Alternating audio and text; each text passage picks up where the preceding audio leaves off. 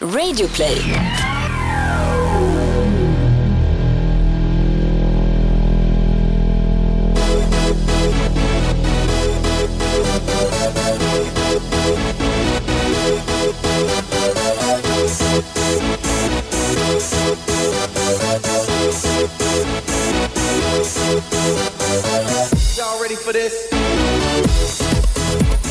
Hörni, välkomna till eh, Toto Balutto avsnitt 56. Det är fredag, snart är det helg. Vi har ett jävla matigt avsnitt framför oss. Det har ju varit en eh, väldigt händelserik vecka.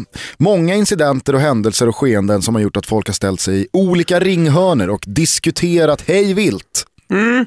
Det var väl Suarez gate då, eller Suarez gate hela Barcelona har ju verkligen blossat upp som en stor konflikt mellan de som eh, antingen är för eller emot. Och där går det inte att vara nyanserad känns det som. Nej, den känns eh, väldigt präglad den diskussionen av att Barcelona i allmänhet och Luis Suarez i synnerhet är de två komponenter som rör upp folks känslor mest i fotbollsvärlden. Ja, så är det ju och jag, jag misstänker då att man är på olika delar av lämplighetsskalan, men håller man på ba- Barcelona till exempel, ja men då tar man ju såklart eh, religiöst Barcelona i försvar. Och det förstår jag, det är inget konstigt med det.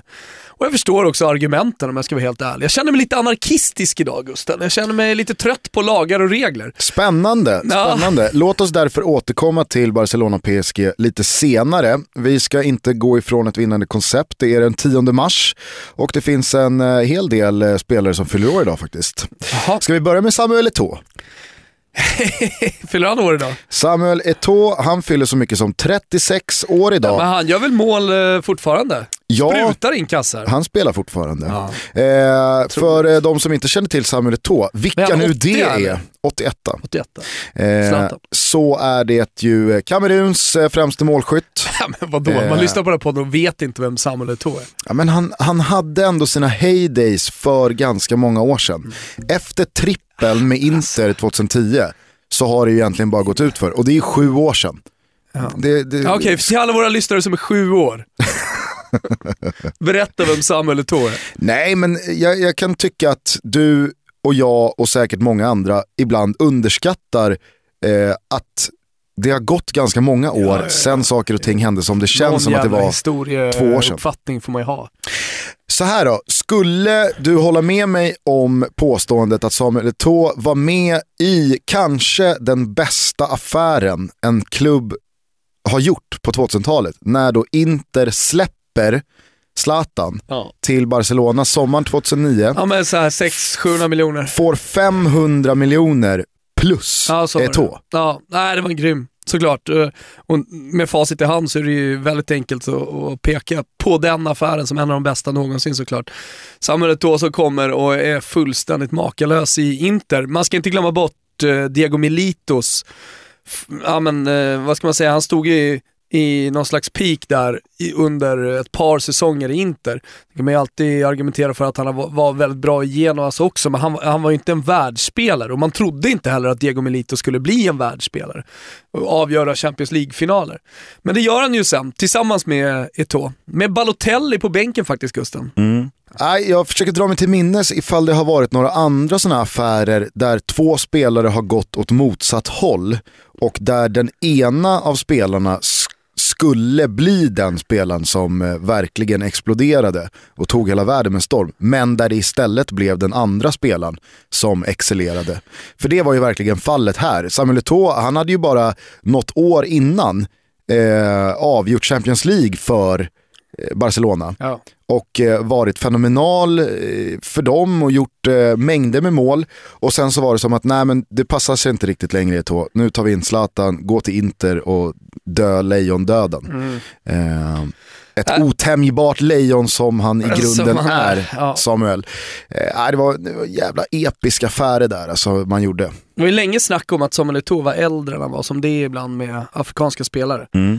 Eh, om han nu är det så är det ju exceptionellt att han fortfarande verkligen öser in mål nere i den eh, härliga turkiska semesterorten Antalya. På tal om Barcelona så fyller även Ivan Rakitic år idag. Han är 29 av dagens datum. Och Rakitic, han är väl lite eh, symbolen för vad som inte har stämt i Barca den här säsongen.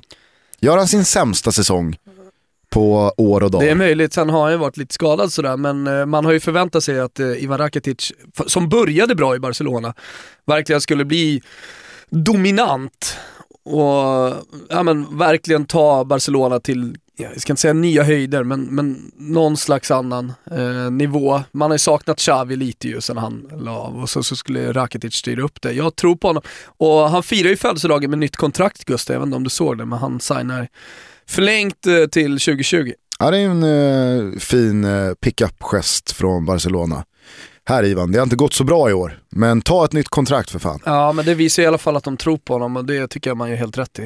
Jonas Olsson fyller 34, vet inte riktigt vad vi ska säga Spelar om... eh, Jonas Olsson fortfarande ens fotboll? Ja det gör han. Eh, de är väl en 8-9 kompetenta mittbackar i West Brom, så han har ju en del framför sig i hackordningen. Ändå kan de inte göra jobbet hörru.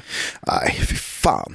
Men skit i det nu. Jonas Olsson känns i alla fall som att han har en eh, allsvensk säsong i sig. Eller två. Eh, Ja, hans lag är det ju i och för sig boys. Mm, hans lag är i och för sig Landskrona Boys. har men- gått sådär senaste tiden. Eh, känns men, ju som eh, Jonas Olsson är väl en gubbe som eh, bor kvar i London. Är det inte det? Ja, eller så är han ju sugen på Stockholm. Ja, ja. Absolut. Skulle inte vara helt fel med kanske då ett Djurgården. De skulle ju behöva honom. Ja, men vad fan. Så mycket kan man ju säga. kan inte värva hemvändare mer nu i alla fall. Jack Butland, Lasana Diarra, Steven Reed, Chris Sutton. Jävla fin han var Chris Sutton alltså. Det är Ja. många som, många som minns Chris Sutton eh, som eh, en av två anfallare i Celtic bredvid Henke Larsson. Såklart. Men det var ju faktiskt åren innan med Alan Shearer i Blackburn. Det var ju där han var som bäst. Blackburn som eh, väl är ett av blott fem lag som har vunnit Premier League. Det är väl bara Manchester United, Arsenal, Chelsea, Manchester City och Blackburn. Nej, Leicester-gubbarna! det går inte att få in det i sitt medvetande. Nej. Eh, de vann ju 96 där, fint lag. Alan Shearer och Chris Sutton på topp. Vill man eh, kika upp eh, Chris Sutton lite närmare så tycker jag att man ska göra det. Men han, eh, Chris Sutton, han avslutade karriären, vill jag minnas, och började spela cricket. Alltså han fortsatte sin idrottskarriär och jag vet inte på vilken nivå, men eh, jag, jag tror att han spelade cricket någonstans i Norwich eller någonting. Så jag, jag har läst en artikel om det i alla fall. Avslutningsvis i alla fall så tycker jag att vi ska gratta Peter Så han, Enkelman. gjorde, han gjorde en Michael Jordan. Mm, just det. Eller Ludmilla Engqvist. Fy fan vad deppigt med Ludmilla. Ja. Vad är ens Ludmilla Enqvist?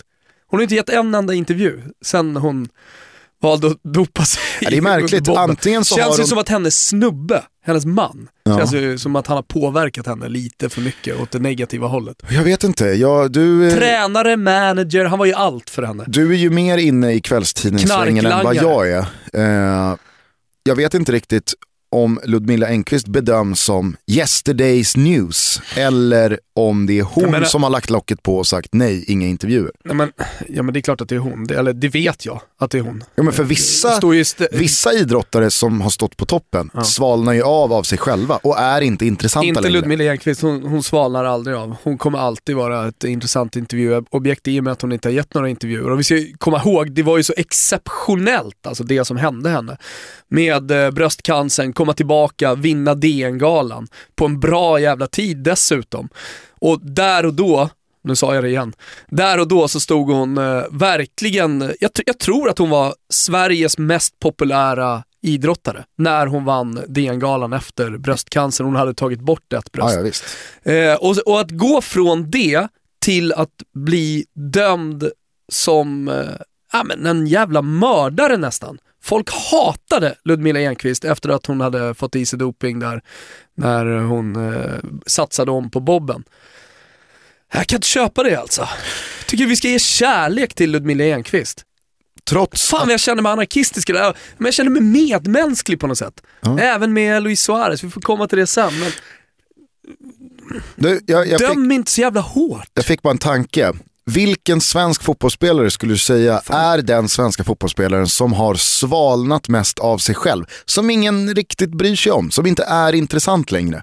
Som inte har sagt nej tack, jag gör inga Du sitter intervjuer. ju på någon du tänker på. Här. Ja, det slog mig bara. Nej, men Roger Ljung är ju en sån här klassiker. Nja, ingen... alltså nej. För att Roger Ljung har ändå gjort det bra och eh, eh, hållit sig relevant inom ingen- den svenska pratar inte. toppfotbollen. Nej, nej, men Och han är ju fortfarande agent och han själv har ju gjort sig oanträffbar. Han svarar Ja. ju inte, men han är ju fortfarande intressant. Jag hade, jätte, jag hade kastat mig över ett uppslag med Roger Ljung där han får berätta Jag tror om... inte folk hade gjort det alltså. Folk Nej, men skiter jag i hade Roger gjort det i Ljung. alla fall. Jag har i alla fall en tanke här. Han har nio... Han står ju inte på han- scen med Thomas Ravelli och breakdansar på Idrottsgalan. Nej, Trots att han var med i det här 94-gänget. Nej. Roger Ljung är aldrig med. Så är det, men jag har nog svaret här. Jaha. Nio ligaguld och en guldboll på 90-talet. Ändå helt ointressant. Får ju inte folk att lyfta ett ögonbryn. Ge mig en ledtråd. Han hade diabetes. Eller han har väl diabetes fortfarande. Diabetes det är en sån jävla vaniljsjukdom. Alla som har diabetes, sluta gnäll. Den medmänskliga Thomas Wilbacher. Säger då. Per Zetterberg. Ja, Nej, det har du rätt i. Den är bra. Du scrollar och så ser du Stor intervju med Stor Per intervju, Zetterberg. eh, Hallandsposten. Hallandsposten, stor intervju med Per Zetterberg om livet efter karriären. Scrolla vidare. Ja. Alltså helt ärligt. och det är alltså en person som har, han har, Men sex, även Roger Ljung. han har sex belgiska ligaguld, tre grekiska ligaguld. Han, har, han vann Guldbollen 97. Jo, men eh, jo, det kanske var i brist på andra spelare. Alltså det var ju där och då, nej, han var ju eh, Sveriges, låt oss säga hopp då, i slutet på 90-talet om att vi skulle komma tillbaka och, och bli en stormakt igen och han skulle dominera på mittfältet. Men, Men alltså, det här är- ju det aldrig här är med Per tre- Zetterberg. Det här är tre år efter vi har tagit brons i VM. Jag. Hur snabbt gick det från liksom, Ja, det gick vi ju- dansar på rosa Ja, men- moln till en jävla dystopi? Ja, men det, det gick ju snabbt ner för vi var ju usla på slu, i slutet på 90-talet m- när man envisades med Kenneth Andersson och Martin Dahlin varvade ner i Roma. Envisades med Kenneth Andersson. 97 så var ju för fan Kneten, men- han var en av Serie A's bästa anfallare. Ah, vet fan om man var det 97 alltså. Han öste ju in mål i alltså, Bologna. jag kommer ihåg att jag var trött på kneten. Ja. Ville ha nytt, ungt, fräscht, någonting snabbt ville jag ha. Alltså, där, eh, Hallandsposten, stor intervju med Kenneth Andersson. Den, den kastar man ju sig över. Han kastade man sig. Per Zetterberg, vänder blad. Även Roger. Hörru, jag skulle bara avslutningsvis bara säga grattis till Peter Enkelman, den finske målvakten som fyller 40 idag. Hade han fyllt 41 eller 39 så hade jag skitit i det. Men eh, när han fyller 40 så kan han få ett grattis. Det var han som stod i mål i Aston Villa i Birmingham-derbyt för några år sedan, eller några år sedan nu, apropå att tiden går. Ja. Det är väl säkert 10 år sedan. Kommer du ihåg när Olof Mellberg då kastar ett inkast och eh, ska kasta det hem till egen målvakt? Och Enkelman sätter inte ner klubban i isen, Ja. utan Mellbergs inkast letar Ja, sig hela vägen mål. in i mål och det avgör då det infekterade Birmingham-derbyt mellan Aston Villa och är det som Birmingham. infekterar? Jag tror faktiskt det. Eh, det är väl eh, just West Brom då, på tal om Birmingham. Det, det är det laget som inte är så. Det rör inte upp så mycket känslor, men Birmingham, Aston Villa. Jo, är, jag vet att det, är, att det är hett så, men svalnat lite med åren. Du, nu är det dags Tompa. Mm. Nu jävlar så ska vi sätta både din och min Toto-trippel. För att eh, det blir en liten nystart här nu med Toto-trippeln. Ut med det gamla, in med det nya. Vi byter ut utlottningen av officiella matchtröjor och in i potten skickar vi valfri allsvensk match. Matchbiljetter en plus en under maj månad varje vecka här nu. Fram till och med den allsvenska premiären. Känns inte det jävligt roligt att kunna eh, skicka in det som kicker Också- i våran fina ja. Toto-trippel-stund? Och det tycker jag, det är också en markering från vår sida och en signal till våra lyssnare att vi kommer att börja fokusera, vi kommer att ta ett grepp kring allsvenskan som eh, är av det lite kraftfullare slaget. Mm. Eh, Och tillsammans med Betsson då så ger vi möjligheten för alla lyssnare och alla som gillar att, att spela att eh, vinna matchbiljetter. Och det som är så fint med det här är att om man redan sitter på en säsongsbiljett och vinner då en plus en, ja men då har man ju en supergåva till en polare som kanske inte har gått så mycket på fotboll men ändå, ändå eh, tycker att det är roligt att, att ge bort den. Eller till mamma och pappa. Till mamma och pappa. Det är det här jag älskar. Ja. Gå och kolla ni också. Ja. Hur som helst, För svart på fotboll är i vitt. kultur Gusten. Det ska man komma ihåg. Ja, ja. Jag, eh, jag jobbade ju på en resebyrå under 2000-talet eh, och så guidade jag företag som åkte till Toscana. Och då var också ofta upplägget ja, men god mat, vingård, 60-talister. ja, ja. Finns det Amaronevin? Nej, här är det Chianti som gäller. Håll käften. Jag gillar ju egentligen inte Italien, de filmar ju och håller på. Alltså. Gillar inte italiensk fotboll. Nej. Eh, nej men, eh, och Fjollor säger ju Ja, ja. 60-talister Ja, ja. om italienska fotbollsspelare. Om, om många säger Mm. de det. Nej men eh, ofta när, när, de, när jag frågade då, och summerade resan, vad de tyckte var bäst, så var det de som aldrig hade varit på fotboll tidigare eller bara varit på fotboll någon gång som, som eh, lyfte just 90 minuter på Artemio Franki som eh, det bästa på hela resan. Och det, och det hade ju ingenting med, alltså, det, det hade ju med passionen att göra. Källkritik här nu. Att det just var Frankie också. Jo men vad ska du gå och kolla på fotboll? Jo jag var i och för sig faktiskt med en grupp så var jag och såg Siena Inter när Zlatan spelade Inter och de vann scudetton Mm. på den arenan som också heter Artemio Franki. 0-2. Exakt. Ligger ju precis nedanför Jolly Hotel. Mm. Mm. En väldigt fin eh, kameravinkel. Ja.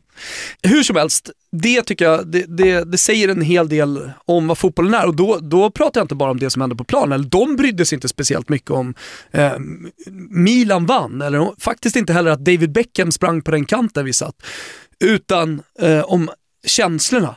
Liksom eh, minspelet, eh, svordomarna, eh, folk som ställer sig upp och, och gormar mitt under matchen sådär. Men inte, Inte filmarna. Eh, Så ett plus ett.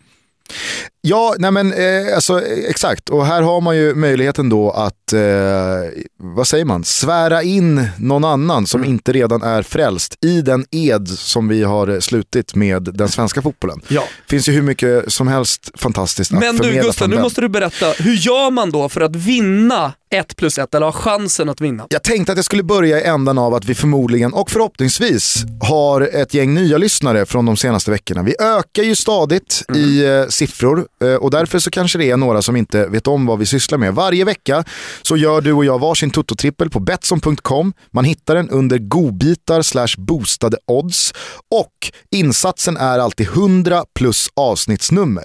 I det här fallet så kommer insatsen då vara 156 kronor. Man väljer den man tycker ser bäst ut eller kanske rent av båda om man vill sitta safe ifall det, det blir jackpot.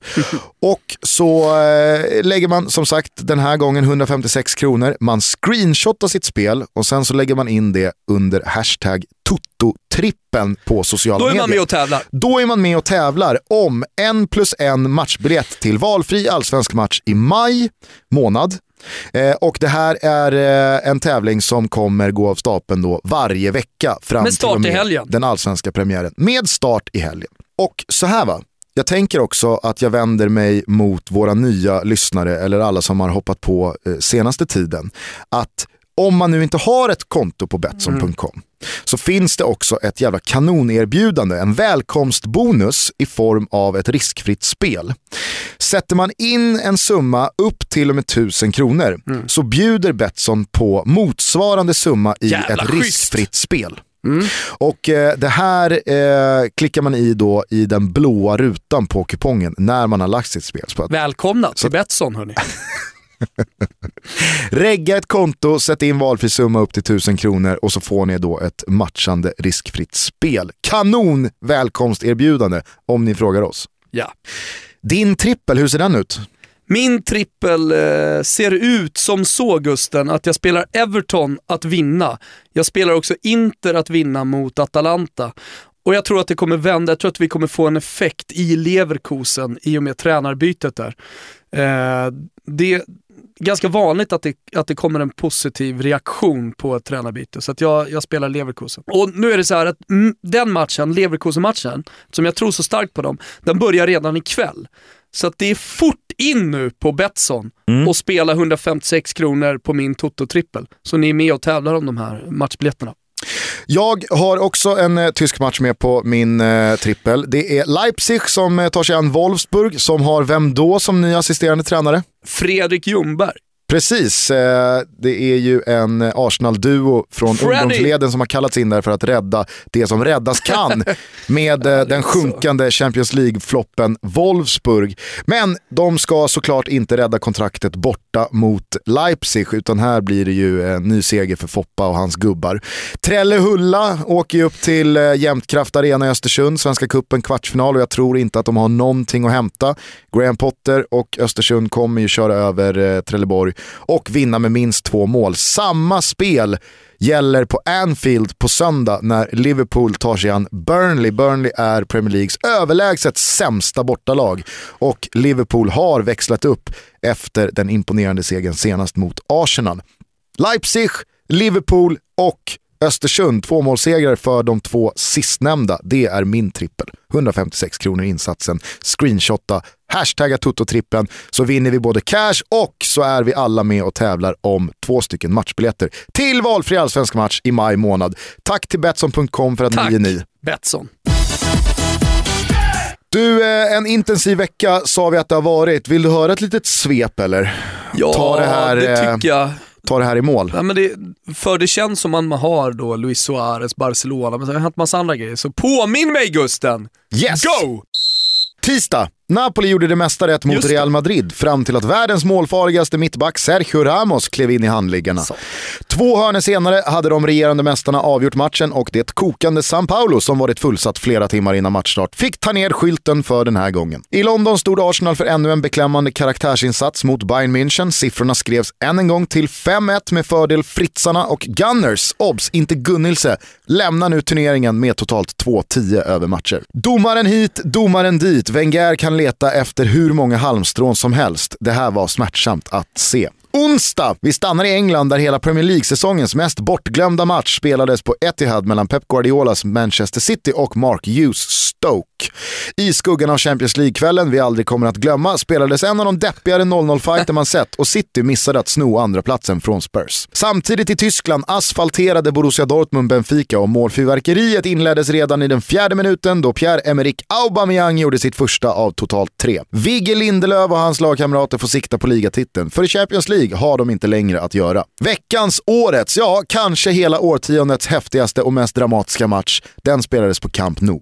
Vi alla vet vad som hände, så låt oss grotta ner oss i det om en liten, liten stund. I gårdagens Europa League-åttondelar grisade United sig till 1-1 borta mot Rostov på en plan värdig Gunnilse. Viktor Claesson gjorde mål för sitt Krasnodar mot Guidetti Celta Vigo och FC Köpenhamn imponerade i segern mot Ajax hemma i Parken. Kvällens match spelades dock i Lyon där hemmalaget spelade ut hela registret, vände och vann i andra halvlek mot Roma med 4-2. Italienarna med sin tredje tunga förlust på åtta dagar och vi romanisti känner att vi borde byta lag och börja hålla på, ja kanske fan i mig Gunnilse jag tänker på lite grejer, det finns ju hur mycket som helst att plocka upp här. Eh, men viktigt att man säger i parken, inte på parken. Eller hur? Ja. Det är, det är en. Eh, preposition som ja. många går bort sig på. Också många som tycker att de kan väldigt mycket om fotboll som gärna, häv, eh, gärna påpekar att det heter minsann i parken. Precis som du gjorde nu. Ja. Du kan väldigt mycket om fotboll. eh, och sen, eh, jävla kul med Claesson som har tjatat om eh, en, en flytt till ett större lag ute i Europa. Större lag, men ja, ni fattar. Som har fått en sjukt bra start på uh, tiden i, i Ryssland. Kanske bereder Viktor Claesson lite väg för framtidens exporter från allsvenskan genom att visa att man behöver inte sticka när man är 19 bast. Faktiskt. Du kanske ska stanna i två säsonger till och bli en erfaren, mogen eh, människa ja. som ändå är trygg i sig själv. För ja. det känns ju som att det, det är en del spelare, i synnerhet de som lämnar för Belgien, som går bort sig lite i det där kanske tappar, eh, inte bara självförtroende på plan, utan fan livsgnista. Claesson, han vet att nej, jag ska inte tillbaka till allsvenskan och mammas mat. Jag är trött på det, jag har gjort det i åtta fucking år. Men du, eh, nu kör jag. Håll med om att eh, Janne Andersson har en del eh, angenäma problem inför trupputtagningen här. Med tanke på till exempel då Viktor Claesson, jämför då med Marcus Rodén i Crotone. Han spelar, han är helt okej. Okay. Syns inte jättemycket, gör inte jättemycket poäng för han är i en annan, annan roll i Crotone, spelar på defensivt mittfält där. Eh, och så Viktor Claesson då som uppenbarligen är i superformen. Eller hur? Mm. Och vi ska möta Vitryssland, vi ska göra mål. Mm. Då, kanske, då kanske det finns eh, men ett extra fokus då på att ta med spelare som eh, är offensiva, om man nu om man nu ska tänka så. Ja, ska man jämföra med senaste tävlingstruppen så luktar det väl eh, paus på Jakob Johansson. Han kanske inte behövs Nej, mot precis, Vitryssland hemma. Precis. Eller tänker Janne då att han vill bygga en, en eh, stomme, en, en stabil trupp? Nej, det har han ju inte gjort hittills. Om man tittar på hans eh, landslagsuttagningar. Jag tror att det kan bli en del överraskningar. Mm. Men det är ju kris i anfallet Gusten. Kujovic eh, gör ju inga mål. Nej, Kujovic han är, han är nog så långt ifrån Nej, den där bra, truppen man kan bra, vara. Det ser bra ut eh, även på anfallsfronten ju. Mm. Det får man säga. Eh, skit i landslaget. Ja, eh, verkligen. Det, det, finns hur mycket som helst från eh, ditt svep från den här veckan att ta ner. Jag vet inte, vill du börja i Barcelona ändan eller bara så att... Ja, självklart. Och eh, alla har ju sett matchen 6-1, eh, en otrolig vändning, tre mål sista ja, vad blir det, 7-8 minuterna. Otroligt och en otrolig upphämtning. Men det svärtas ner av eh, domarinsatsen, av eh, Luis Suarez förstärkningar eller filmningar, hur man nu vill. Hur ser du på uh, Luis Suarez generellt sett? Alltså, jag, jag, skulle bara till att börja med mm. vilja plocka upp det som Johanna Frändén berättade på Twitter igår. Att eh, de stora tidningarna i Frankrike, mm. de hade alltså mellan 10 och 15 artiklar om matchen. Och inte en enda artikel fokuserade på domarens insats. Nej, men det kom ju någon dag efter sen. Eh, till exempel idag så pratas det ju väldigt mycket i spanska medier om, eh, om domaren som nu sägs ha gjort sitt på Champions League-nivå till exempel. Ja, alltså, jag kan tycka att det är tråkigt eh, att eh, den här matchen får ett efterspel som handlar om eh, domarinsatsen, som handlar om Luis Suarez och som handlar om jag vet inte, en större diskussion som kretsar kring vad är det för moraliskt kompass fotbollen har mm. idag. Mm. Samtidigt så förstår jag ju att det blir väldigt mycket snack om det när det fanns ganska så många tveksamma diskussioner, eller situationer, eh, ska jag säga, inte diskussioner. Men i just fallet Suarez, där, där, där måste jag faktiskt ställa mig frågande till alla som ja, men, tycker att det är helt åt helvete att han kastar sig där det är ju hans, det är ju hans och Barcelonas enda och sista chans till att hålla ja. sig kvar i turneringen. Han vet att han är varnad för filmning, bara några minuter tidigare. Han vet att, okej, okay, det här är ju ett, eh, ett dyk från mig här. Nu lägger jag mig. Men han vet ju också samtidigt när han gör att det är samtidigt vår enda chans.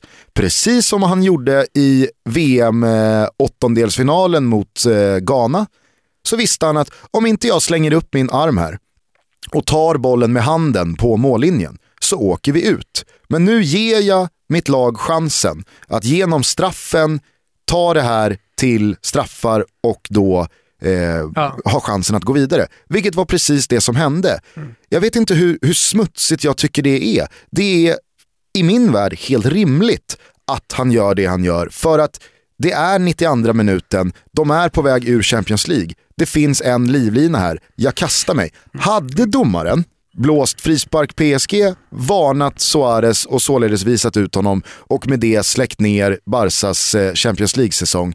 Ja, alltså det är nog inte många som inte är hardcore Barcelona-fans som hade protesterat mot det domslutet. Inte jag heller. Men det gör inte att jag på något sätt mindre förstår eller tycker att Suarez borde gjort annorlunda. För det tycker jag inte. Ja, ja, alltså, det är så jävla rimligt. Samtidigt så har jag eh, en, en sympati här för domaren, om jag nu får haka på ditt medmänskliga, sympatiska tåg här. Det finns ju två situationer. Eh, bara några minuter innan, eller ja, minuten innan Neymar knorrar in 4-1 på frispark så är ju Di Maria igenom Mm. och helt fri. Tror att det är Iniesta eller om det är Mascherano, minns Mascherano. inte. För det kom aldrig någon jävla repris på den Nej, situationen. Mascherano. Eh, Mascherano som glider eh, bakom. Man ser i den sekvensen man ser live att eh, han måste ha blivit störd. Eh, och förmodligen så var det kontakt för att Di Marias avslut är ju, ja, låt, låt oss säga så att han hade inte skickat iväg det avslutet ostört. Men det blir ingenting av det, i sådana fall så skulle det ha varit straff. Eh, och där och då så dör ju matchen. Istället så blir det ingen situation och vi alla kan så är situationen. Här tror ju jag att domaren helt ärligt bara är en människa och känner hej, det är 86 på klockan, Barca behöver göra 3-1. Jag behöver inte döma straff till PSG här. Jag behöver inte visa ut Mascherano. hi- hinner han tänka det? Ja, det tror jag. Det tror jag. Jag tror att han känner, fan vad skönt om den här matchen nu bara spelas av, för att då kan ingen hänga mig här. Jag kommer inte bli utvisslad. Så att jag tror att han skippar eh, det domslutet för att han vet att det, det kommer bli PSG vidare ändå. Och när straffen kommer så tror jag att han känner exakt likadant. Jag ger den här straffen till Barcelona. De får göra 5-1, men sen så blåser jag av. PSG går vidare, Barcelona-supportrarna är superstolta över sitt lag, att de gör den matchen de gör. Men PSG går ändå vidare och jag slipper bära något hundhuvud. För hade han visat ut Känns som att du är i, i domarens huvud nu. Ja, men jag, jag, jag, alltså de som tror att eh, domare, även på den här nivån, är robotar som inte påverkas av publik, Ma- matchens dignitet och så Ah, vidare och så vidare. Vet jag inte riktigt eh, vad man tänker på resten Det, av det sina här är dagar. faktiskt någonting som man eh, diskuterar jättemycket i spanska medier och i italienska medier. Om eh, trycket på domaren som är, eh, just som du säger, omständigheterna runt omkring. Inte nödvändigtvis att domaren är köpt så som folk vill, vill få det till. Nej, nej. Utan, utan situationen som, eh, som påverkar dem. För, att Det, det är jag också inte, helt övertygad om att det finns. för hade inte Barca gjort 6-1, Mm.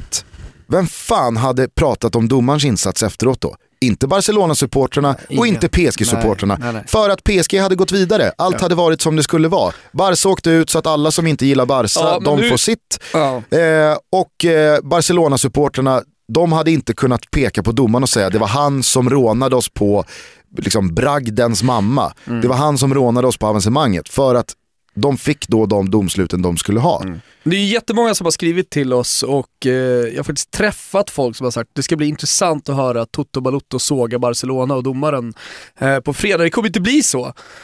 Eh, jag, jag, jag, har det verkligen inte i mig. Och precis som du säger, det är klart att vi vet om sen, sen eh, gammalt att Suarez är en, eh, en filmare. Han, han gör allt. Han, han är passionerad nästan för att slänga sig i straffområdet. Sen blir den här matchen, precis som du är inne på Gusten, väldigt speciell också eftersom man, eh, på tal om att greppa efter halm, halmstrån, måste ta varenda halmstrå som finns om man ska komma ikapp det där. Och han trodde ju uppenbarligen på det i alla fall. Ja. Eh, och sen att han förstärker den situationen. Jag, vet, jag tror att det var Martin Åslund som twittrade jättemycket om det här. Eh, en miljard tweets. Men jag tror att om man ska sammanfatta det han säger eh, ang, angående straffsituationen så är det ju onödigt att lägga handen där. Är det Marquinhos eller? Mm, det är Marquinhos. Ja, det, det är onödigt att, att ge domaren möjligheten att blåsa. Mm. Det, det kan jag också hålla med om, men samtidigt så är det ju fotboll. Du kan inte springa och tänka hela tiden på var du ska ha armarna, utan de, de, de landar också eh, där, där det är naturligt så att säga. Och i det här fallet så, så är det ju, tycker jag, helt naturligt att han har armen där. Och fotboll är en kontaktsport, man, man behöver inte blåsa för precis varenda kontakt. Det tycker jag också blir eh, fel när man, eh, när man pratar om straffsituationer. Just det här med, är det kontakt, ja men då, då är det straff. Vissa hävdar ju det nästan religiöst. Eh, men jag tycker att i många situationer så, bara för att det är kontakt, bara för att det fuskas jättemycket från försvararna, det trampas på, med dobbarna på, på fötterna och det kommer små eh, armbågar i sidorna och det dras jättemycket i tröjorna. Det är ett kort som dras näm nämligen väldigt mycket nu också. Att eh, jo, jo, men det förekommer annat typ av fusk på fotbollsplanen. Eh, så, så, vill jag ändå liksom få det till att fotbollen är en kontaktsport. Man behöver inte blåsa bara för att det är kontakt. Och I det här fallet skulle han absolut inte ha blåst. Sen, så kan, sen tycker jag att man kan lämna det där. Jag tycker inte att Luis Suarez är en vidrig människa bara för att han gör de här grejerna på fotbollsplanen. Jag kan ju tycka att det är olyckligt för efter diskussionerna att det är just Suarez som går ner i det här Men läget. det är ju inte oväntat att det är Suarez. Nej det är inte, vad jag menar är bara att jag hade eh, kunnat sätta mina pengar på att alla spelare på den här nivån, på den där plan, i det där läget. När de känner Hade- att oj, här är en arm. hade gått ner. Vi, Alla som behöver, är gö- dum i huvudet. vi liksom. behöver göra två mål, det är tre minuter kvar, vi håller på att åka ur Champions League. Här dyker det upp en arm, jag Mm. får en kontakt, jag är i straffområdet. Jag är helt övertygad om att alla spelare hade gått ner i den situationen och med det menar jag bara att det är olyckligt att det är just Suarez som då redan är personen som personifierar eh, filmningar och mygel eh, och så vidare och så vidare. Men jag måste ju säga att eh, det, det, det är liksom det är ju kontakten i sig som Suarez väljer att utnyttja. Jag ska säga att han, när jag han har ju såg bestämt det, sig liksom. Ja, men när jag såg det Mm. och när han blåste straff, så tyckte jag att det var straff. Tills repriserna kom. Ja. Jo men och det är ju inte vare sig första eller sista Jag gången undrar man kommer sitta här på med? Och påverkas av att ha sett reprisen och tycka att domaren är dum i huvudet. När man egentligen tänkte att oj oj oj, det där var ju straff, eller det där var inte straff, efter att ha sett det bara första livebilderna. Skitsamma, du pratar om fusk, du pratar om eh, Åslund på Twitter. Jag skickade ju ut en, eh, en, en tweet igår också, för att jag eh, jobbade med Martin i eh, går förmiddag så att vi pratade om allt det här. Och vi håller ju med varandra i mycket här också, för att det tror jag väldigt många eh, kanske inte så här, inte har koll på, men jag tror att man glömmer att väga in det i diskussionen kring filmningar och de här spelarna.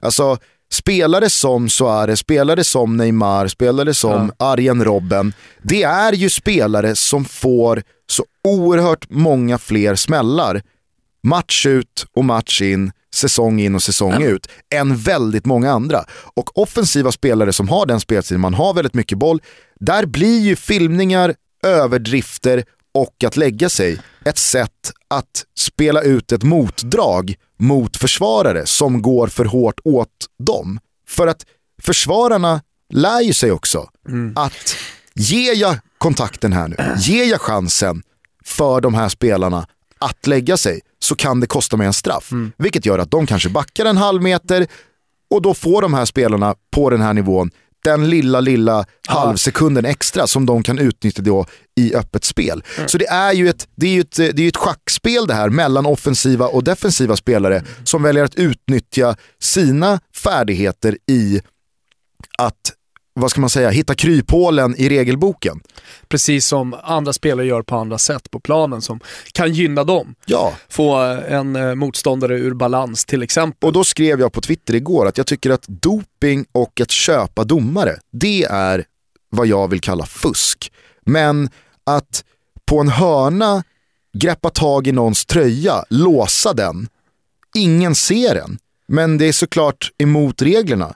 Men det blir ingen konsekvens. Det är, inte- det är inte att fuska. Det är, så, det är så spelet ser ut. Och hur motstridigt det än kan låta och hur paradoxalt det än är, så är att bryta mot fotbollens regler inte fusk i min bok. För det är ju så fotbollen går till. Det lär vi oss, alla som har spelat fotboll vet ju om det. Vi lär oss ju de här små knepen. Men det är inte att fuska och ta en frispark i en kontring. Alla har sett det, alla som har spelat fotboll har någon gång gjort det, eller i alla fall Det varit är på en nästan plan. som man kräver det är det. oms- Ta det gula Exakt. kortet. Ja. Är det att fuska? Nej, det är inte att fuska, utan det är att säga till domaren, nu gör jag så här, Mm. vad gör du åt det?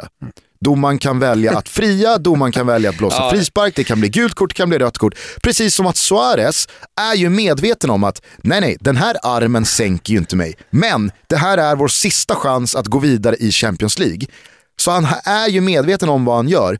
Och i min värld så tycker jag att Suarez, när han lägger sig i straffområdet, säger till domaren, så här gör jag nu, vad gör du åt det? Nej, Suarez säger blåstraff. Det gör han ju alltid. Jo men alla du, fatt, du fattar ju vad jag menar. Att Jag liksom, fattar vad du menar. Du behöver inte förklara det ännu mer ingående. Jag tror att alla, alla, alla har förstått din poäng här. Ja, det vet fan alltså, för det är väldigt många som är, eh, Folk kanske blir upprörda. De är saliga på sin tro, och det ska de ju vara. Eh, det är ju jag Däremot också. så tycker jag ju verkligen inte att vi ska ställa upp Luis Suarez för någon slags eh, arkebusering, eh, eller hela Barcelona för den delen.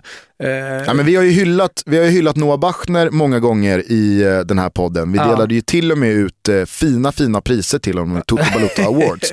Han skrev en krönika igår om det här. ja. Och, eh, Beställningsjobb ska sägas i och för sig. det var det absolut. Men, man får stå för det man skriver. man får stå för det man skriver och när det blir 2 500-3 000 tecken, eh, jävla vanhedring av hela Luis Suarez fotbollskarriär.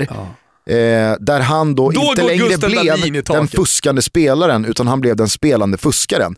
Och i det här ska det vävas in att han har bitit tre spelare.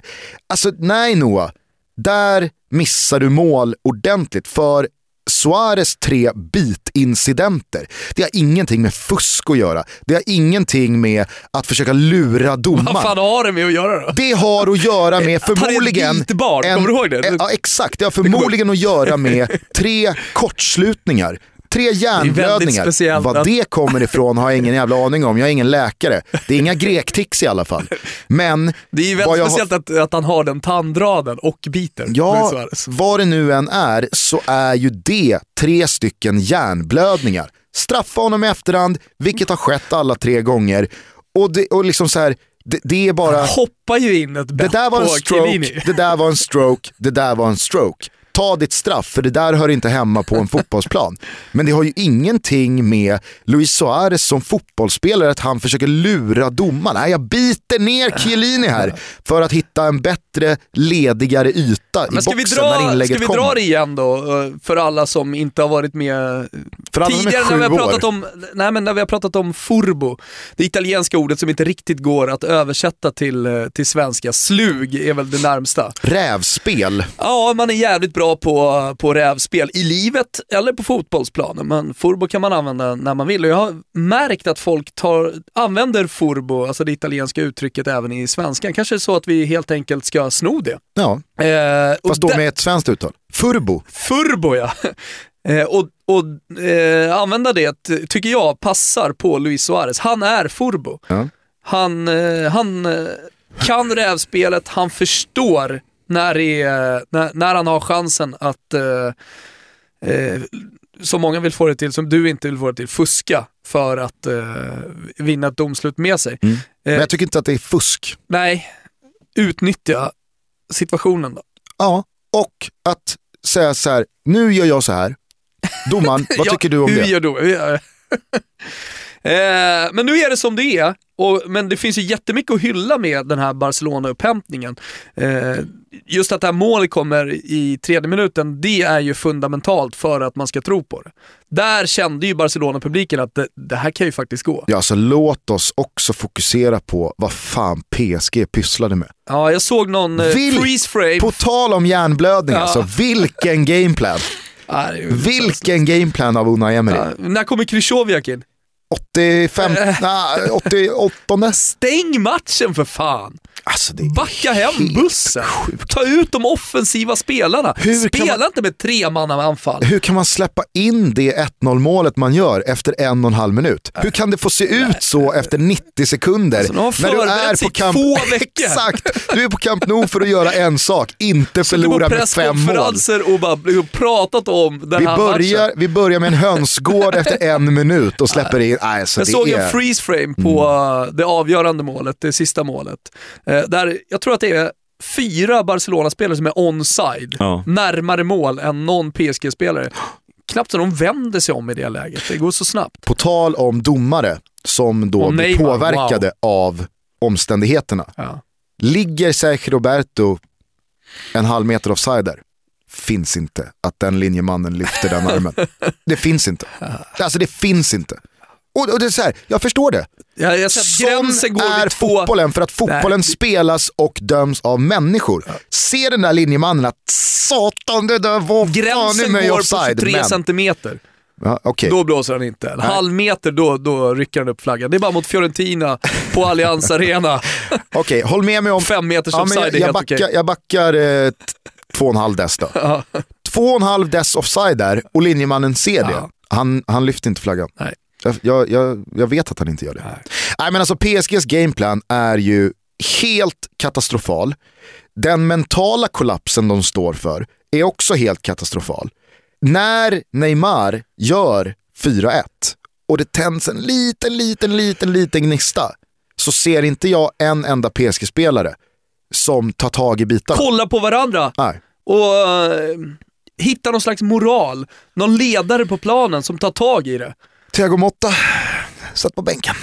Han skulle ju ha spelat den här matchen. Alltså- Han och Krychowiak skulle ha spelat tillsammans med Verratti. När Cavani smällde in, när Cavani smällde in match. 3-1, alltså det skulle varit signalen. Thiago, Exakt. tejpa benskydden. Du ska in nu. Ja.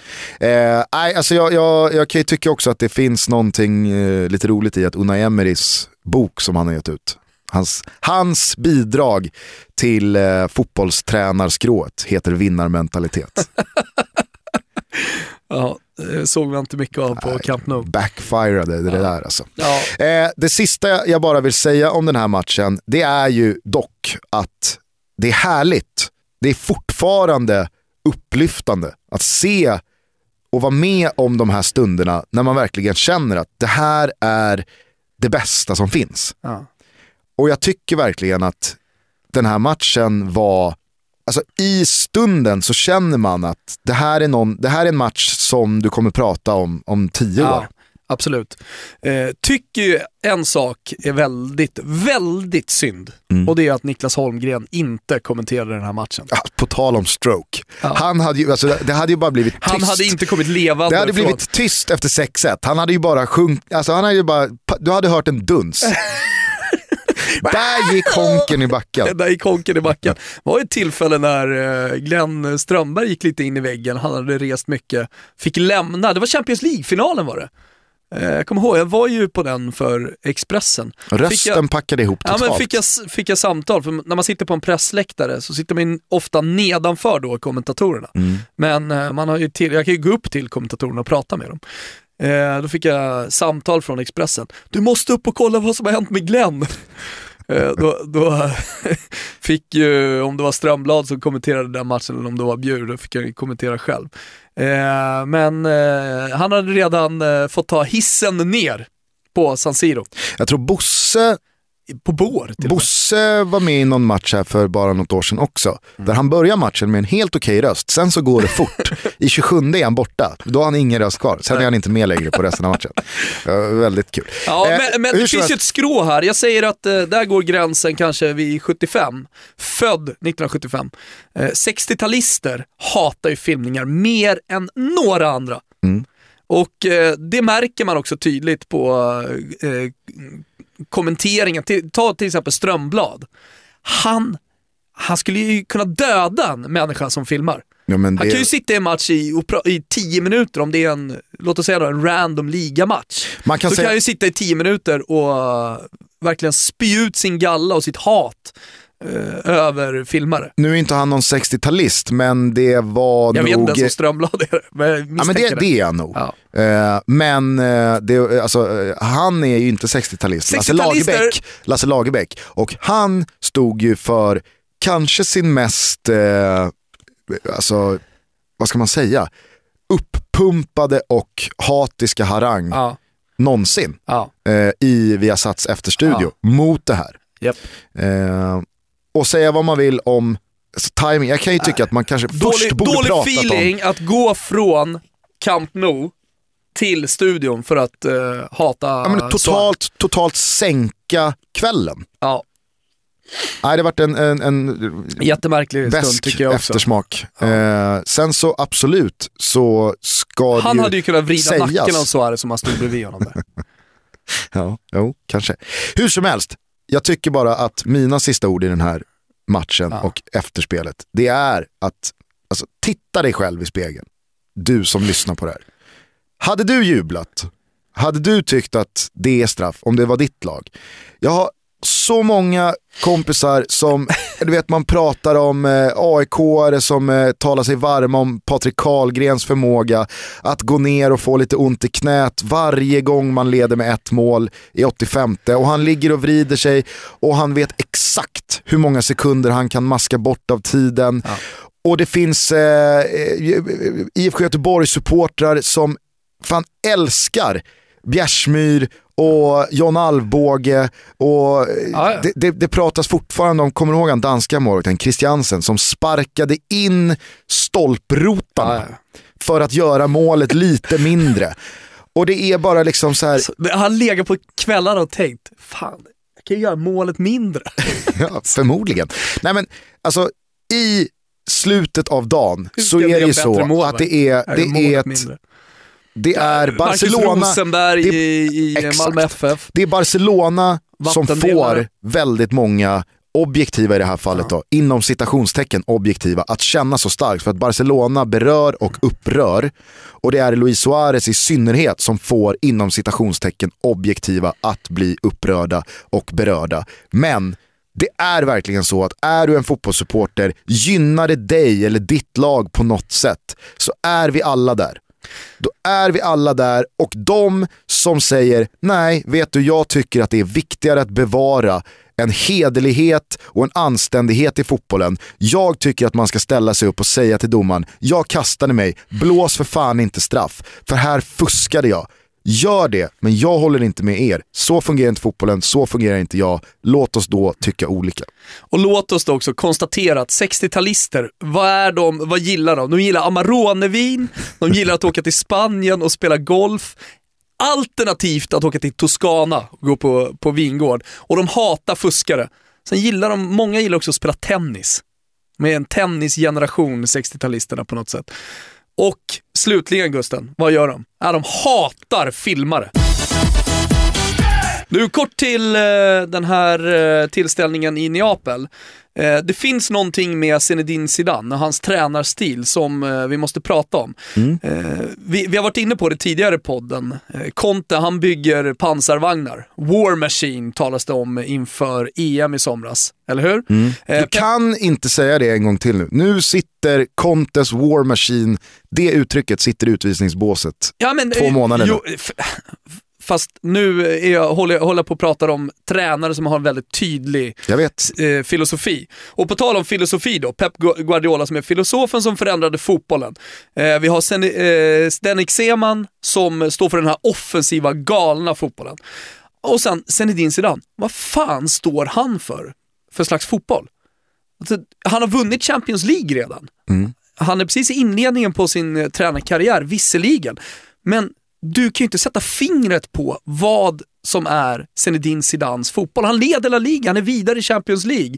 När jag kollade på Napoli-matchen så är det två saker. Jag blir imponerad över Napoli, hur de spelar fotboll, hur modiga de är och eh, hur vägvinnande ändå deras spel är mot ett så skickligt lag med så individuellt sett skickliga spelare som Real Madrid. Hur, eh, hur, hur mycket chanser ändå de lyckas skapa. Det är otroligt imponerande och det säger väldigt mycket om, om Sarri. Om hans fotboll är då rörelse och possession, tycker jag. Mycket fantasi, mycket olika typer av kombinationer för att hitta igenom ett försvar. Jätteimponerande. Lika imponerad blir jag faktiskt av eh, Real Madrid. Jag tycker inte de gör en så dålig match. Det är jättemånga som pratar efter, tyckte det var konstig gameplan. Återigen då, om du pratar om eh, PSG, hade en konstig strategi inför matchen, eller under matchen mot Barcelona, så var det lika många som tyckte att det var konstigt att eh, Real Madrid spelade som de gjorde på San Paulo. Nej, jag tycker inte att det är så dåligt. Så, eh, Cristiano Ronaldo har en, ett, ett stolpskott eh, efter en kvart. De vaskar också fram en hel del chanser. Och de möter framförallt ett väldigt bra Napoli som trodde på det mer än vad Barcelona trodde på det. Men, men, men som sagt, Zinedine Zidane, vi får väl återkomma. Det kanske är någon som sitter inne på svaret där ute. Maila oss på totobalutto.gmail.com. Något geni som eh, kan peka på någonting i Zinedine Zidanes sätt att spela fotboll. Om du är ute efter det rent speltekniska och taktiska så är det ganska svårt att beskriva Zinedine Zidane. Men ska man beskriva Zinedine Zidans Real Madrid anno 16-17 så skulle jag säga i, i en ren beskrivning av laget att det är ett lag som gör precis tillräckligt för att vinna. För det är inte många gånger den här säsongen du har sett Real Madrid spela ut registret, som det så fint heter, och vinna med 5-6 mål. Utan det är 2-1 hemma mot Malaga, det är 2-3 borta mot Villarreal, det är inte någon bländande fotboll, men det är resultat mm. och de petar in den med många olika målskyttar. Det ska man också säga, att Zidane, han har ju fått hela laget att göra mål. Tidigare säsonger så har det ju varit väldigt mycket Cristiano Ronaldo mm. och det har hängt på honom. Nu går Cristiano Ronaldo i en för honom väldigt målfattig eh, period mm. och ändå så gör Real Madrid många mål och man fortsätter att vinna. Ja, väl medveten om att det där sista 3-1 målet kommer på grund av att Napoli måste bli lite desperata. Eh, det, så är det, det ändå. Inte, det var inte des alltså, när Ramos gör 2-1 så är ju matchen slut. Ja. Det fanns ju ingen, ja, snarare det var det ingen desperation. Kanske. Nej, snarare det. Eh, men man vinner ändå med 6-2 över två matcher mm.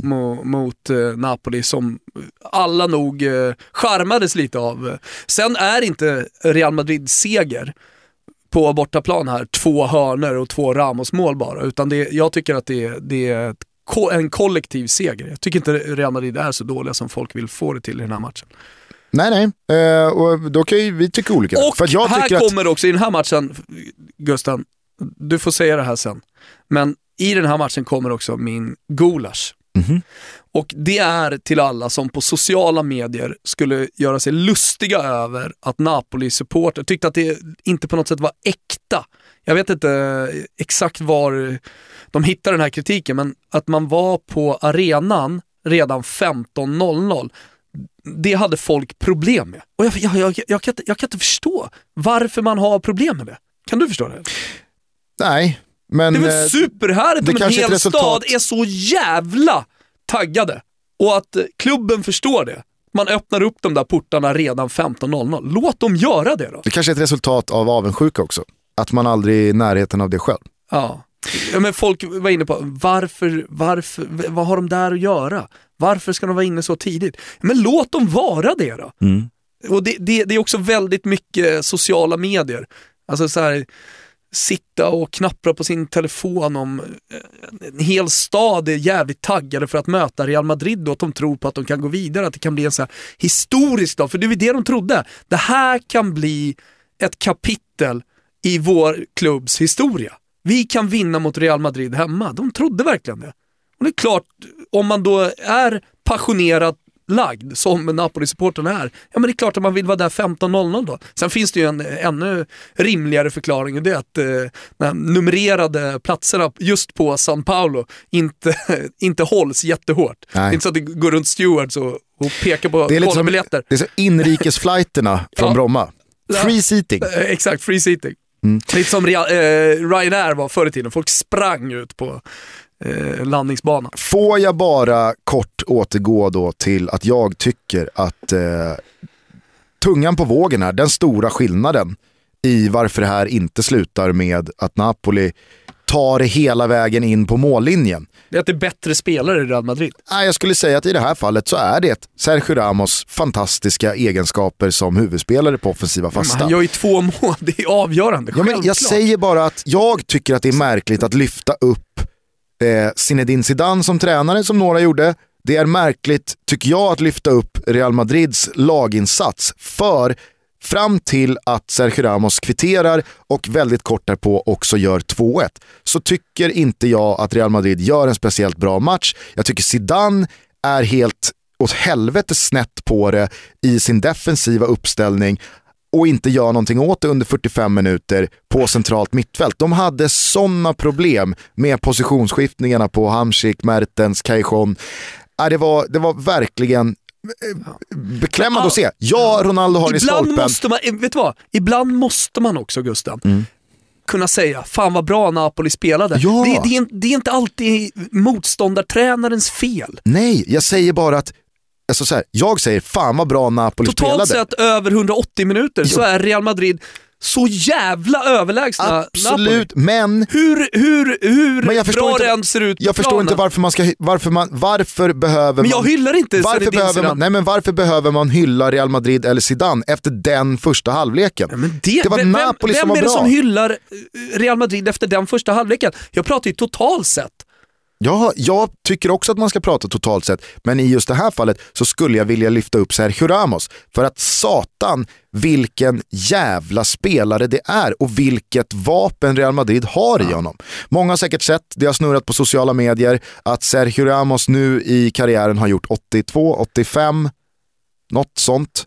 Eh, 80, säg 85 då, 85 mål och Andres Iniesta har gjort 72. Och att det då liksom säger en del om Eh. Jo, han är en av de största mittbackarna om vi även kollar rent historiskt. Mm. Han är uppe, Erik Niva skrev en krönika om det som var jättebra. Alltså, han är på Maldini-nivå och så vidare. Ja, personligen så tycker jag att det är, det är taskigt mot Andres Iniesta. För att Iniesta är inte han har aldrig varit en målskytt. Mål. Nej men exakt, han har aldrig varit en målskytt. Han är inte den som ska göra målen i Barcelona. Sergio Ramos är en oerhört nickstark spelare som Fast alltid har spelat i jämförelse? Ja, men jag säger bara att väldigt många vill ju få att ah, Sergio Ramos är målfarligare än Andres Iniesta. Ja, men helt ärligt så tror jag fan Sergio Ramos har kommit till fler avslut också i sin karriär än vad Andres Iniesta har. Han, vill bara passa. På planen. Ja. Han vill bara passa lädret vidare, gör mål du. Ja, det, det, det, är väl bara en måttstock på hur, hur jävla målfarlig han är på hörnor. Mm. Dock har han ju en bit upp till Fernando Hierro. Du kommer ihåg gamla Real Madrid-backen som en säsong på 90-talet alltså pytsade in 21 kassar i ligan. Jävla fin tid. Marco Materazzi gjorde ju väldigt mycket mål också. Jag tror han gjorde 13 mål i Perugia Exakt. säsongen 0001. Eh, ja, en, eh, en spelare som många inte trodde skulle bli en världsspelare, men som också summerade sin karriär med att ha vunnit Champions League och också eh, VM-guld. Och där kan du prata om en spelare som vann alla sina lags supportrars sympati i att vara en gris. Ja. Helvete, Furbons ansikte utåt i många år. Ja, han går i alla fall en kamp mot eh, Luis Suarez. Han filmade, han överdrev, han ja. trashtalkade, han maskade, han påverkade. Alltså det var, och det var liksom så här, ja. i, i slutet av dagen så var han lite mer sympatisk än Luis Suarez och därför så fick han inte den inom citationstecken objektiva omvärlden emot sig utan blev snarare bara unisont ja. älskad jag av sina också, egna. Jag tror att det har att göra med någonting så jävla banalt som utseende. Så jag, jag, tror att det, jag tror att det är lättare att racka ner på Luis Suarez för att han ser ut som han gör. Och lättare att tycka att Marco Materazzi är lite skön för att han ser ut som han gör. Och kanske är det också så att Markus Rosenberg ser ut som han gör, ja. och han kommer från Malmö. Snea leende. Ja, och att han liksom, alltså Malmö är resten av Sveriges stora hackkyckling. Ja. Jag är säkert sist på den här bollen, men hur jävla lik är inte Markus Rosenberg, vad heter han skådespelaren? Kinneman? Kinnaman? Kinnaman. Kinnaman. Ah, jag vet inte hur många som har varit och kladdat på den bollen. Jag tycker att de är lika. Har du inte med eller? Vaniljspaning. Ah, okay. Vaniljspaning. Hörru du, eh, vi måste bara ta oss eh, till eh, London. För att eh, det var ju en match och ett resultat och ett efterspel som verkligen satte spår. Vi ska Fan, börja... Vad mycket ja, känslor den här veckan. Jag tycker det är härligt. Ja. Vi börjar med att lyssna till eh, två stycken killar som varje vecka, eller i alla fall efter varje match, återfinns i Arsenal Fan TV. Alla ni som inte tittar på Arsenal Fan TV, ni behöver inte ratta in och kolla en timme efter varje match. Men slå ett öga då och då när det har varit uppmärksammade resultat. För det är verkligen... Kom ju ändå ut på någon sajt eller på Ja, ja men jag säger bara att om, för er som inte har eh, kollat det här någon gång eller sett det någon gång, så det, det passionerat, initierat och underhållande. Och vi ska lyssna till två, eh, två eh, snubbar som eh, jag tyckte båda hade bra poänger. What needs to happen for you now? What needs, to, to happen? He needs to go. He needs to go. He needs to come out. Arsene Wenger's holding this club to ransom. I'm telling you now because he's sitting there and saying, I'm deciding, I'm doing... Hold on a minute. You are a fucking employee. Remember that. Me, You, every single fan here, is more important to Arsenal than Arsene Wenger. Because we, yeah, as fans, are the lifeblood of any club. Without fans, you're nothing. So yeah, I am more important than Arsene Wenger. So are you. So is everyone else. Because when he's gone, will we still be here? Yeah. Before he came, was I still here? Yeah, I was. Because I love Arsenal. Not Arsenal, 1886, not 1996. And people need to fucking wake up and realize that. You, let, let, me I ask this to troops. I'm going to ask this to you. Yeah. Do you think he should go right now? Yeah. Or do you think he should, you know, at least if he did, at least would you allow him till the end of the season? Do you know what? One or two things. If he turns around now and says, I'm leaving at the end of the season, yeah, then it will be a party here for the rest of the season, right? And it will probably pick up results. You know, you only have to look at um, Leicester. They were. I said at the time I agreed with Ranieri sacking because they were in free fall. They got players on brand new contracts on hundreds of thousands a week, and the owners are looking at that and going, "We can't go to the championship." Because that parachute money isn't going to help us. So they made the decision. They had the balls to make a decision. Look at their performances since they've sacked him. Oh, what a surprise. Careful what you wish for, is what we're always told, Robbie.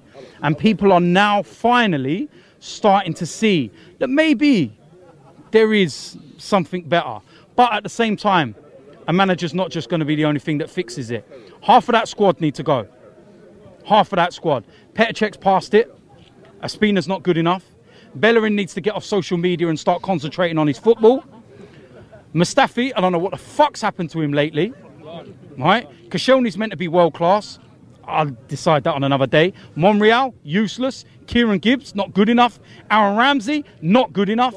Coquelin, I stuck up for him all the time, but it, lately, you've started to see how poor he really is. Bye bye. Yeah? Shaka, you know what? I still give him a bit more time because he's only just come. All right? He's, he's just come.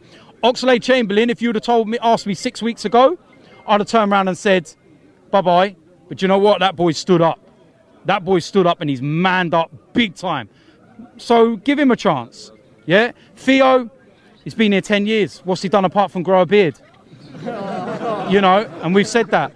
And it's like, I don't want. You're going to have nobody left. You, you, listen, you just taken out Robbie, the old listen, team. Listen, I don't care. Yeah, I don't care. I don't want all this nicety anymore. All this, oh, but you know, what did I say to you? When we played Sutton, Theo Walcott given, got given the captain's armband. He never Theo got, Walcott's probably one of our best players tonight. No, no, no, tonight. That's great. You can play well one in five. Whoopie do. Yeah, I don't want that. I want a player that has the odd game where they off, you know, but the rest of the time they're on it, on it, on it. We we pay a lot of money. Yeah, we're now spending money. We can get that caliber of play, uh, player. You look at how much Shaka cost. He cost more than Kante. Come on now. Bayern Munich squad costs less than hours. Wake the fuck up. Ideal things to happen. Wenger to go. What right now, or till, would you would go. you give him till the end of the season? For me, he should go now. What right now? Tonight you should go. Tonight you should. You, tonight you should hand your resignation in. Be a man. You sit there and say, "I love the club. I love the club." If you love the club, walk. Please, Wenger. You're tarnishing what you built, blood. I respect the man. Like the banner says, Arsenal. Thanks for the memories, but it's time to say goodbye. We respect him, blood. I appreciate the man. You understand? He brought me the best years of my life in football, blood. Don't sound like you appreciate No, because fam, there comes a point in life when you have to be real now, blood. You understand? And the truth hurts. And that's the problem. People gotta handle the truth. Ja, men jag, tycker, jag tycker att det, det är huvud på spiken faktiskt. Uh, han förklarar det. Jag skrev en krönika i måndags där jag var inne på lite samma spår. Jag har ju krönikemässigt inte satt något stort avtryck uh, den här veckan. Jag har inte jobbat så mycket Gusten. Har du gjort Men, det i, i karriären? Uh, tveksamt. Din mest uppmärksammade krönika är väl fortfarande den om Johaug? Tätt följd av eh, den krönikan som handlade om att du inte tyckte Sanna Kallur skulle få en OS-biljett. och nu kommer också Ludmila Enqvist. Jag har den i mig Gusten. Snart sitter du där och knackar eh, 4000 tecken intervju med Per Zetterberg. Ja, jag tror hon bor faktiskt nere i Spanien. Hon är väl också 60-talist? Kan jag tänka mig. Hennes snubbe är garanterat 60-talist. Satan vad Ludmila Enqvist snubbe hatar filmningar. Han hatar ju filmningar. Han ja. Mm. Du, eh, ja men huvud på spiken i alla Funkar fall. Funkar inte alls med att han är gift med en person som dopade sig. Nej. Det jag skulle komma till i alla fall, och det jag också skrev i, i krönikan, är ju lite det här med thanks for the memories. Där sätter han ju huvudet på spiken. Men det är läge att gå nu. Alltså det är läge att agera. Jag tycker också att det är läge för eh, Arsenals styrelse att, att, eh, att välja vad fan man vill med klubben. Alltså, vill de vinna titlar, eller är de nöjda med att göra plusresultat hela tiden? Kan de hitta ett sätt där de dels då kan tjäna pengar men också vinna titlar. Någonting måste göras, det måste in med en ny spo sportslig ledning. Det, det, det, måste ruskas om rejält. Framförallt i alla fall för att skicka en tydlig signal till, fa till fansen. Så borde de göra sig av med Arsène Wenger redan nu tycker mm. jag. Nej, och jag tycker att de är, de är helt... Vi, vi med några månader kvar, ingenting eh, att spela om. FA-cupen, all respekt och Champions League eh, ska säkras, men ändå bara skicka ut en markering och en signal att vi, vi, vi skickar vi, vi låter ungdomstränaren, andra tränaren, vi tar det här i mål. Vi kör inte rim fram till sommaren och så planerar vi framtiden. Äh, jag tycker absolut inte att man behöver ersätta Arsene Wenger nu fram till sommaren. Det blir så jävla smärtsamt slut också. Nej, fast jag det... tror att, precis som han är inne på i det här klippet, att skulle Wenger eller Arsenal kommunicera nu att jag lämnar efter säsongen, så som han då uttrycker it's gonna be a party for the rest of the season in there. Både resultatmässigt, jag tror att man får ett uppsving för att man vet att nya tider kommer. Nu är det dags att byta.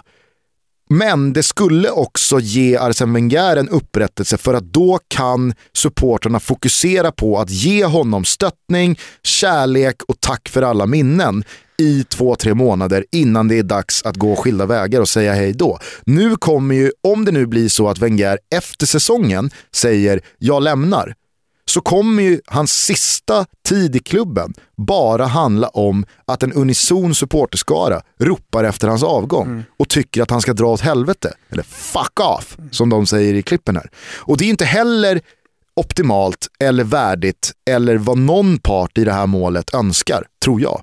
Nej.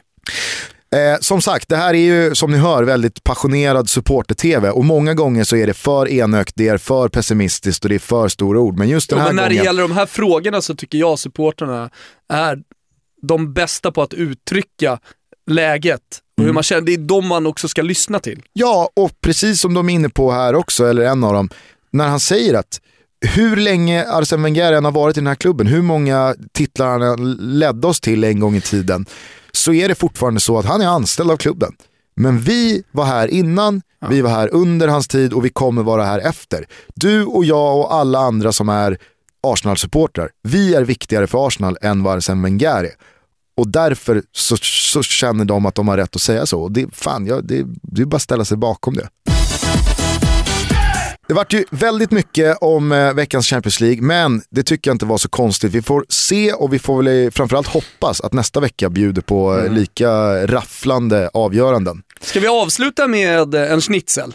Ja, och lite gärna. hockey. Mm. Det avslutades, eller den SHL-säsongen avslutades igår, eller säga, gruppspelet. Djurgården knep ju, inte om du har sett det Gusten, knep ju den här sista slutspelsplatsen. Det var dramatiskt. Kalla, om man nu kan kalla play-in för slutspel. 60-talisterna gillar hockey också. Ja. Jag läste, på tal om det här med svenska hockeyserierna, eh, en rolig tweet för några dagar sedan. För att Hockeyallsvenskan är ju också inne i slutfasen av grundserien innan det blir kvalserien och sådär. Då var det någon som skrev 1969 så landade vi på månen. 2017 så kan man fortfarande inte förklara hur man når SHL. Nej. Jag håller med. Men eh, veckans snitsel går till vår kollega. Förhoppningsvis så kommer han att gästa studion snart. Eh, Marcus Leifby, som trollar med orden titt som tätt. Han gör det i live-rapporteringar, han gör det i kröniker. Eh, Marcus Leifby är också en sån här, eh, en krönikör som man inte riktigt kan sätta fingret på vad han är. För han är hockey, han kan vara fotboll, han kan vara stor fotboll. Eh, men det som verkligen kännetecknar Leifby, det är att han, eh, han formulerar en... sig fantastiskt eh, roligt och ofta väldigt slående. Ja, tycker också att det som kännetecknar Leif B är att han är en nostalgiker. Ja, jo det är han Det är väldigt mycket text-tv, väldigt ja. mycket sport, Sportspegeln-referenser, Palmemordet när Filip och Fredrik eh, verkligen tog ett grepp om Palmemordet, då var ju Leifby en av experterna. Ja. Typ GV och, och Leifby som satt där. Men eh, nu han, han gör väl fall... stor succé i eh, Sveriges Radio också, Karlavagnen. Ja, jag lyssnar på faktiskt. Mm. Och försökte till och med ringa in vet du. Så, Eller jag ringde så, in men de så, tog inte mig. Så sorgligt. jag ringde in men de tog inte mig, fy fan. Det var inte så länge sedan här Gustav, det kanske var något år sedan bara. Fan, det, är, det är en av de mörkare bilderna jag har eh, haft på näthinnan senaste tiden. Hur du sent en mörk natt knappar in numret för att få tag i Leifby på andra sidan eten. Att jag inte får svar och, och, och klickar ner ja, samtalet och tittar väg, ut genom fönstret. Jag var på väg hem i bilen, jag tror till och med jag körde av vägen. Och, alltså inte körde av vägen, men jag körde av motorvägen. Stannade bilen för att ringa in till Leifby. Men jag hade någonting, jag kom dock inte fram. Eh, trist. Eh, hur som helst så har han uttryckt sig så här nu i en krönika.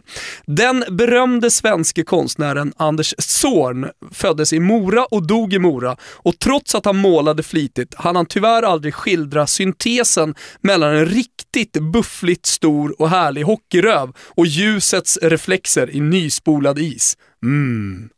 Så jävla värt en schnitzel. Ja, äh, absolut. Av allt som har hänt de senaste dagarna så är det klart att schnitzeln ska till Leifby. Ja. Hörru du, eh, för några veckor sedan så efterlyste ju du eh, en ny vignett. Och eh, vi har ju faktiskt fått in ett bidrag på våran mail totobaluta.gmail.com som hade någonting. Vi vet och tror nog att den inte har tillräckligt. Men jag tänker att det är den, det första bidraget hittills som vi eh, ändå känner att vi vill spela upp ja. för våra lyssnare. Så att så här kan det låta när en av våra fantastiska lyssnare har knackat ihop ett eh, jingelförslag. Eh, det här kanske inspirerar folk till att eh, komma med egna idéer, egna bidrag och då är det bara att skicka dem Återigen, totobalotto@gmail.com. Vi älskar att ni lyssnar. Vi kommer fortsätta tugga på. Nytt avsnitt måndag. Vi hoppas kunna landa the big star Isak Dalin även nästa vecka. Så att eh, vi går en härlig Toto-vecka till mötes, eller hur? Ja, det gör vi. Och en rolig helg. Mm. Trevlig helg på er. Eh, fortsätt ta hand om varandra och ta det lugnt med drickat. Ciao tutti. Ciao tutti. Thomas Lotto Balotto. Otroligt Lotto Balotto. Gustav. Mina damer och herrar. Lotto Balotto. Thomas. Det här är Lotto Balotto. Otroligt Lotto Balotto. Gustav. Det här är Lotto Balotto. Thomas. Lotto Balotto. Jag ser upp för